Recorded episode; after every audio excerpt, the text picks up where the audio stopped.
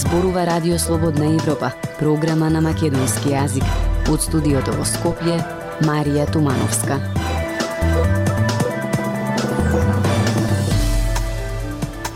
Сојузот на синдикати ќе оспори секоја законска одлука со која работната недела би траела повеќе од 40 часа, уверува председателот на синдикатот за градежништво Иван Пешевски.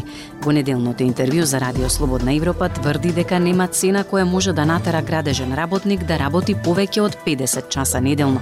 Пешевски вели дека земјата има доволно домашни работници кои може да работат на изградба на автопатите и дека нема потреба од увоз од надвор. Со него разговаравме и за социјалниот диалог диалог со владата, но и за актуелните протести на работниците за повисоки плати.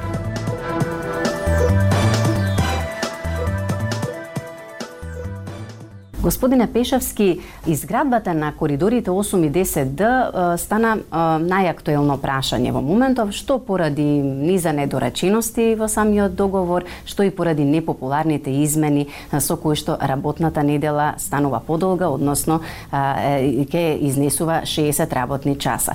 Што како синдикат правите или ќе направите за да ја оспорите оваа одлука да стапи во сила и да ги заштитите работниците од едно такво решение?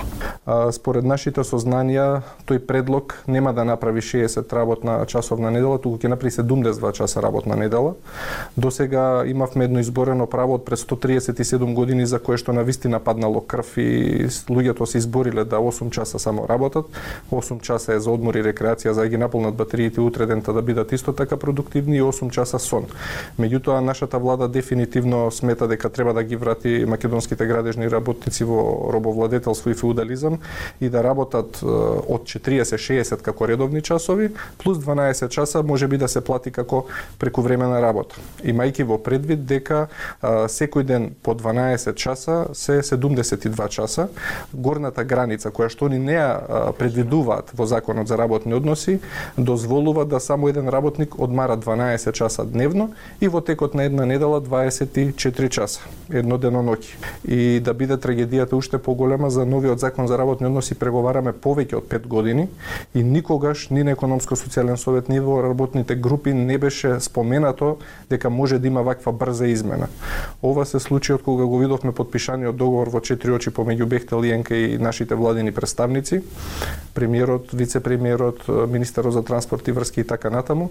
Повторно како Сојуз на синдикати на Македонија и синдикат за градежништво ќе бидеме приморани да ги оспоруваме тие членови пред Уставниот суд, каде што веруваме дека дека повторно Уставниот суд ќе ги донесе истите заклучоци, истите одредби, истите одлуки, бидејќи на вистина е невозможно во еден сектор со сите работни места кои сами по себе се со висок степен на ризик и луѓето се изложени на надворешни влијанија 24/7 во текот на неделата да работат по толку часови за сметка за некакви си средства. Тие средства однапред не можеме да ги видиме бидејќи станува збор за увезени работници. Значи ние финансираме проекти со домашни средства, а тие средства од прекувремени часови плати или сами по себе компанијата ќе ги наплати дали е тоа Америка, Турција и така натаму. Повторно нема никаков дел од колачот да видат ниту домашните компании, ниту домашните работници. Дали имате проценки на пример колку од домашните работници сега ве прашувам би се согласиле да работат толку, односно нели прекувремено како што е предвидено сега со овие измени? Согласноста која што ја кажува и министерката за труд и социјална политика сама по себе е неуставна. Вие како работник не можете да се согласите да работите толку дури ако сакате. Значи нема цена што може вас да ве плати да работите по 72 часа неделно. Со било каква согласност сама по себе таа е неуставна и повторно ние ќе ги оспоруваме тие согласности, изјави или што и да подпишат работниците. Невозможно е повеќе од 50 часа неделно да се работи во секторот градежништво, бидејќи она што го гледавме во минатото, тоа се повредени работници, паднати работници од скелиња, загинати на самите автопатишта. Тоа се повторно ќе кажам со највисок степен на ризик работни места каде што луѓето се изнемоштени за 8 часа, камоли за прекувремени сати. Она што требаше да го предвиди владата и да има фер услови за сите, како за домашните домашните работници, така и за странските, е да се воведе работа во смени. Тоа никој не ги ограничува. Може би ќе чини повеќе тој автопат, меѓутоа пак ќе кажам, нема цена човечкиот живот. Од друга страна, согласноста што треба да ја подпишат работниците во старт е неуставна повторно ќе кажам, истата како синдикат ќе оспоруваме, ќе пријавуваме секако во државниот инспекторат за труд, меѓутоа за нас најголем страв постои бидејќи државата е најголем инвеститор во овие автопатишта дека таму нема да има никаква контрола од страна на државниот инспекторат за труд. Дали тој рок кој што се споменува за изградба од 4 години и 7 месеци треба да се работи баш со таква динамика, значи со прекувремени работни часови за да се стигне да. предвидениот рок. Дали доаѓате од градежниот сектор, да. значи дали па, е доколку, тоа возможно? Доколку владата подпишала договор на 4 години и 7 месеци, ако не се лажам, тоа единствено може да се стаса со рокот само ако се вработат двојно повеќе работници и работата биде во турнус, во смени. Друг начин не гледаме. Ние без разлика кој да работи, секако дека не може во просек кога е убаво времето и дозволуваат временските услови, некој да работи секој ден во просек по 12 часа. Тоа е на вистина невозможно. Велите дека увид во договорот немавте, а се уште не сте го виделе, меѓутоа имате ли некакви можеби по-конкретни информации околу договорот кој што нели во моментов е таен, значи се преку медиуми слушаме за одредени а, содржини, за одредени одредби во него а, и можете ли да ни кажете еве кои ќе бидат бенефитите од еден ваков проект? Немаме подетални информации од договорот, она што го имаме како информација исто како и вие од другите медиуми или како што кажуваше опозицијската партија, имам информација од свиркачи, ние такви луѓе немаме и на вистина не не интересира политика во тој дел, не интересира човечките животи, безбедноста и здравјето при работа и обезбедување пред се работа за домашните работници. Од она што до сега, од кога е подпишан договорот и од отварање на ленти, ангажирање одредени компании и работници, имам информација дека не се ангажирани домашните компании. Мора за вашите гледачи да подсетам дека Македонија е обврзана спрема тие ЕУ директиви и меѓународни конвенции кои што ги има ратификувано. Една од нив е конвенцијата 94 на МОД која што обврзува согласно законот за јавни набавки да 51% бидат домашни компании, 51% бидат домашни ресурси и така натаму. Меѓутоа, од првите проекции што можеме да видиме, нема ни 30% ништо од домашната домашната работна сила или домашните ресурси, како би можеле да очекуваме дека ќе имаме напредок и во домашната економија или подигнување на БДП-то. Ова, ако земеме во предвид дека немаме предвидено трошоци за експроприација, пред се немаме ни проект, него Бехтелиенка граделе наводно на лице место со проекти со работници, може би по нашите предпоставки ќе биде и преку 2 милиарди евра овој коридор 8 и 10 де заедно, а тоа е на вистина за една економија како нашава а, огромна давачка или како да кажам народен долг ќе биде тоа до не знам која наша генерација бидејќи за 100 километри автопат да се задолжите 2 милиарди евра е на вистина огромна сума и повторно е знак прашалник дали ќе ги возиме тие патишта и дали во догледна иднина и од која ќе се изградат ќе имаме бенефит назад да ги повратиме како држава тие средства. Друга страна дали имаме до доволно домашни компании, односно работници кои што би можеле нели да се вклучат во проектот за да биде завршен така како што е планирано и колку тој увоз на странски работници може да ја смени цената на работната сила. Цената на работната сила секако дека нема да ја смени увозот затоа што зборуваме за земји од третиот свет каде што таму луѓето работат за 200 евра па се лажат тука да дојдат за 500-600 евра и обезбедено сместување и храна па тоа ќе им биде како чиста заработувачка, односно како и ние кога одиме некаде Да биде надворна печалба. Меѓутоа не е точно како што велеа владините представници дека Македонија нема капацитети. Тоа беше една голема навреда за нашите компании кои што во минатото граделе по Иран, Украина, Либија и каде не, а сега да не може да направат 100 км автопат во Македонија.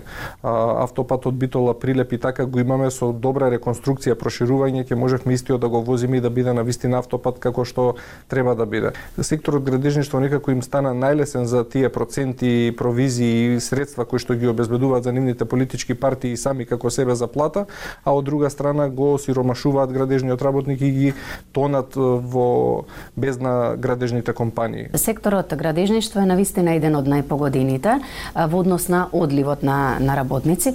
Господине Пешевски, зошто си одат градежните работници од Македонија? Дали навистина е само ниската плата причина? А, Да, ако треба да го одговорам прашањето со да и не, да, бидејќи условите за работа, да не се лажеме, секаде се исти. И во Германија, и во Италија, и во Шведска, каде и да заминете вие и летно време грее сонцето и зимно време паѓа снег. Меѓутоа, платите се на вистина мизерни. Согласно последната статистика, 26.000 денари е една плата просечна на градежен работник во ниско градба. Високо градбата, бидејќи прават тие компании поголем профит, па и повеќе ги наградуваат вработените, стигна до 29. 29.000 денари согласно статистика. А ако разговарате вака на терен, ќе ви кажат градежните работници дека нема испод 40.000 денари плата во градежништво. Нема, меѓутоа да не забораваме дека токму секторот градежништво нажалост се уште има најголема нелојална конкуренција и најголем дел од работниците се уште работат на надници и зимаат плата во плик. Тоа е нешто што треба државата и механизмот на државата, односно инспекциите да го спречат да го стопират и да го воведат во ред. Меѓутоа за да има според нас социјален мир, оставено е онака како што го гледаме на терен, не се знае а, кој јаде, кој пие по градилиштата, ниту се почитува закон за работни односи, ниту закон за безбедност и здраве при работа, кога ќе отиде инспекција, повторно вината е на грбот на работникот, никогаш на тие работодавачи што знаеме како се стекнаа со милионски суми профит на назад години. Изминатиот период сме сведоци на многу протести, има протести здравствените работници, протестираше моментално штрајкот во мирување го ставија вработените во државниот испитен центар, протестира вработени во управата за јавни приходи, културните работници и така натаму. Буквално сите. Да. Ке ги добијат ли незадоволните работници правата што ги бараат, односно ке добијат ли повисоки плати? А, во минатиот период се покаже и докаже дека со протести и штрајкови на вистина може да се остварат голем дел од правата од работен однос меѓу кои најважното за нас платата бидејќи на крајот на денот сите дома ако не однесеме за семејството нешто за што сме работеле во месецот. Она што може статистички да го видиме е дека на вистина многу порасна минималната плата имајќи во предвид од кога е донесен законот од 2012 година дупло и повеќе е зголемена минималната плата, автоматски растеше и просечната. Но кај нас некако платите беа предвреме изедени од инфлацијата затоа што 15% инфлација не значеше ништо за тоа зголемување кое што ние го баравме од 1000, 2000 и 3000 денари. Доколку нема државата пари, сама по себе немаше сигурно да потегне спор па на Уставен суд да се донесе одлука за нивно зголемување на 80%, наспроти нашите 80% зголемување на работно време, а платите да не бидат исти. Така да како представници на Сојузот ќе ги повикаме повторно да ги работат истите работи, да има и пратеници, и министри, и вице-премиери и се, меѓутоа нека влезат еден ден во чевлите на работникот, нека работат за минимална плата за 60 часа, а понатаму повторно да носиме заедно на економско-социјален совет одлуки и да продолжиме да работиме. Тоа не се спремни да го направат затоа што велат исто одлуката на Уставен суд е конечна, добро им дојде што им легна по преку 2000 евра плата на сите пратеници именувани избрани функционери, а системот за плати ќе кажам јавно кој што го предвидува министерот за финансии е да почне од 2024 година и може би 2000 денари ќе се зголеми минималната плата заклучно 2028 година. За законот за работни односи спомнавте дека преговарате 5 години и се уште го немате конечниот нели прочистениот текст, а во меѓувреме се носат одредени законски измени за кои што не сме барем според тоа што ве како што ве разбрав не сте информирани, не сте знаеле. Која е тогаш поентата господине Пешевски на а, преговорите, на разговорите во економско-социјалниот совет во кој што нели има и ваши со представници? Со други зборови, тоа е глумење на социјален диалог. Јас ќе кажам дека во моментов владата единствено што има е социјален монолог, сама себе си се прашува, си одговара на прашањата и си ги тера политиките, не знаејќи дека нивниот најголем работодавач се токму работниците и ќе им пресудат на следните избори, како што тоа го направија на минатата политичка гарнитура, меѓутоа некако се движиме во недоглед, ќе ги наградиме па ќе ги казниме одредени политичари, а сето тоа се сведува на грбот на работниците. На вистина сметам дека доаѓа ерата да се разбуди работникот во Македонија да си ги дознае своите политич ова право од работен однос и платата за која што треба да биде платен, меѓутоа досега во овие пет години бевме повикувани како репрезентативен синдикат на сите седници на економско-социјален совет. Имаше многу работни групи за тој закон и на крајот не видовме дека некој планира вакви брзи измени со европско знаменце во собрание за да го изигра целиот процес и целиот социјален диалог што сме го имале падне во вода. Може би на следните такви седници и работни групи нема да присуствуваме бидејќи не гледаме некаков бенефит од сиот тој процес и оние средства и време што се изгубени во тие преговори, бидејќи владата дефинитивно активно зад кулисно сака да игра и сето она што го договараме на маса, од друга страна го стави по брза постапка и да не одговара буквално на ниедна страна. Толку во оваа емисија ја слушавте програмата на македонски јазик на Радио Слободна Европа. Од студиото во Скопје ве поздравуваат Дејан Балаловски и Марија Тумановска.